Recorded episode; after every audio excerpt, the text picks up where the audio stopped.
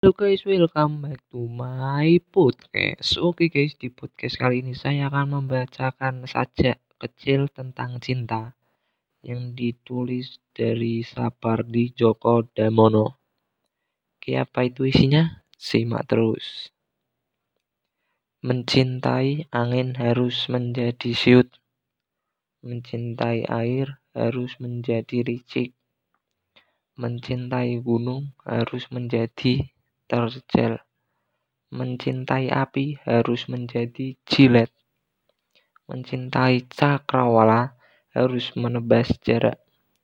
Mencintaimu harus menjelma aku. Sajak-sajak kecil cinta tentang eh sajak-sajak kecil tentang cinta maksudnya itu guys yang ditulis oleh Sapardi Djoko Damono. Oke, see you next episode guys.